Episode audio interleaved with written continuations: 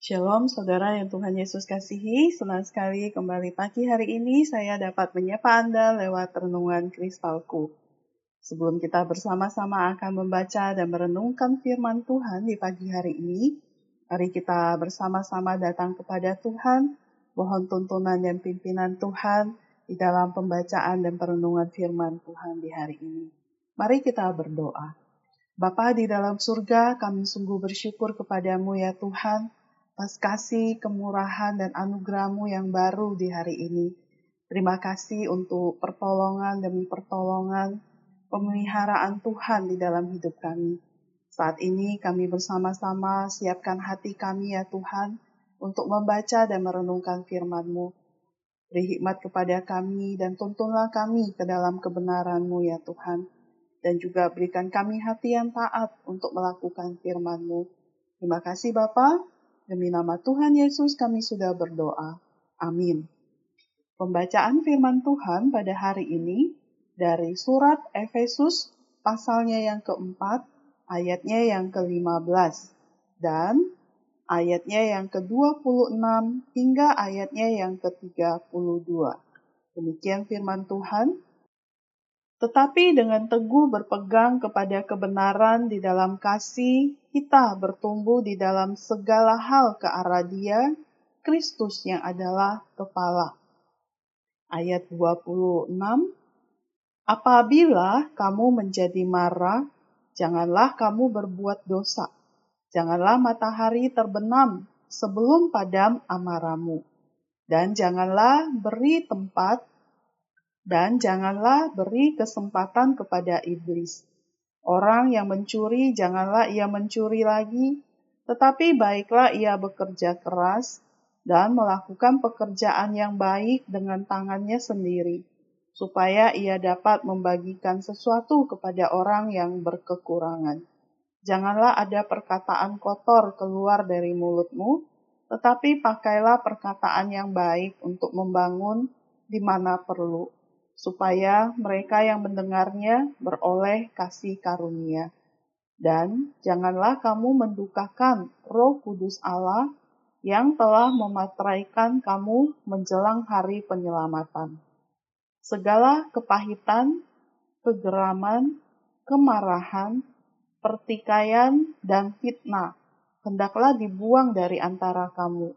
Demikian pula segala kejahatan tetapi hendaklah kamu ramah seorang terhadap yang lain, penuh kasih mesra dan saling mengampuni, sebagaimana Allah di dalam Kristus telah mengampuni kami. Sampai sejauh demikian pembacaan firman Tuhan pada hari ini. Saudara, tema renungan kita adalah mengendalikan kemarahan. Linda Washington bercerita saat saya sedang makan malam dengan seorang teman, ia mengungkapkan perasaan frustrasinya terhadap salah seorang kerabatnya. Awalnya, teman saya enggan mengatakan apa pun kepada orang itu tentang kebiasaannya yang menjengkelkan atau sikapnya yang suka mengejek. Ketika akhirnya teman saya mencoba untuk menegur kerabatnya tentang masalah itu, orang itu justru membalas dengan kata-kata kasar. Teman saya pun marah besar terhadapnya. Keduanya tidak mau mengalah dan hubungan di antara mereka pun retak. Linda menambahkan, saya memahami sikapnya karena saya pun bergumul dengan kemarahan. Saya juga sulit menegur seseorang jika ada teman atau kerabat mengucapkan kata-kata kasar, biasanya saya akan memendam perasaan saya sampai orang itu atau yang lain mengatakan atau melakukan hal kasar lainnya. Akhirnya, setelah beberapa saat, ketika tidak tahan lagi, kemarahan saya pun meledak. Nah, saudara, mungkin kita juga pernah punya pengalaman bagaimana kita mengalami kemarahan, susahnya kita mengendalikan kemarahan. Rasul Paulus memberikan satu nasihat kepada kita. apabila kamu menjadi marah, janganlah kamu berbuat dosa. Janganlah matahari terbenam sebelum padam amarahmu. Mungkin dengan kondisi dalam cerita tadi itulah yang mungkin jadi alasan Rasul Paulus mengatakan ini. Memberikan batas waktu pada masalah yang belum tentu. Memberikan batas waktu pada masalah yang belum tuntas dapat menolong kita mengendalikan kemarahan. Alih-alih memendam kesalahan orang lain, yang dapat berkembang menjadi akar pahit dalam hati, kita dapat meminta Allah untuk menolong kita menyatakan hal-hal yang benar dengan hati yang penuh kasih. Apabila hari ini di antara saudara sedang bermasalah dengan seseorang, daripada terus memendamnya, bawalah masalah itu kepada Allah terlebih dahulu Allah dapat menolongmu mengendalikan api kemarahan dengan kuasa pengampunan dan kasihnya. Saudara ingatlah, padamkan api kemarahan sebelum berkobar di luar kendali. Kemarahan yang dipendam tidak diselesaikan bisa seperti bom yang meledak dan membawa banyak kerusakan dan kehancuran. So, jangan pendam kemarahan. Mari kita berdoa.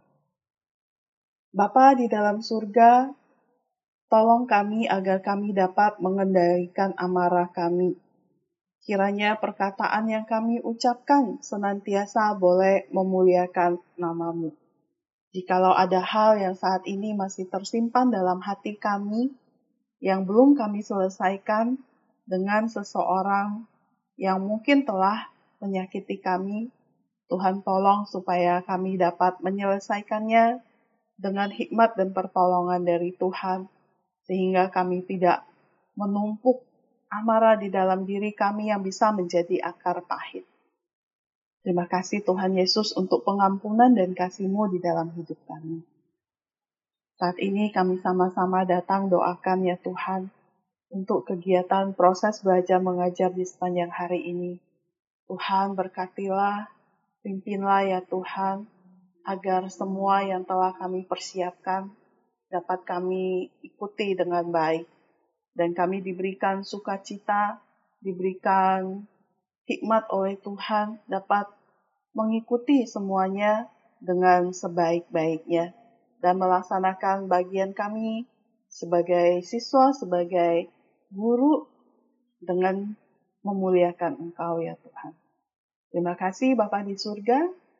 Demi nama Tuhan Yesus, kami sudah berdoa. Amin. Selamat beraktivitas di hari ini. Bersama Yesus, aku bisa bergerak dan berubah.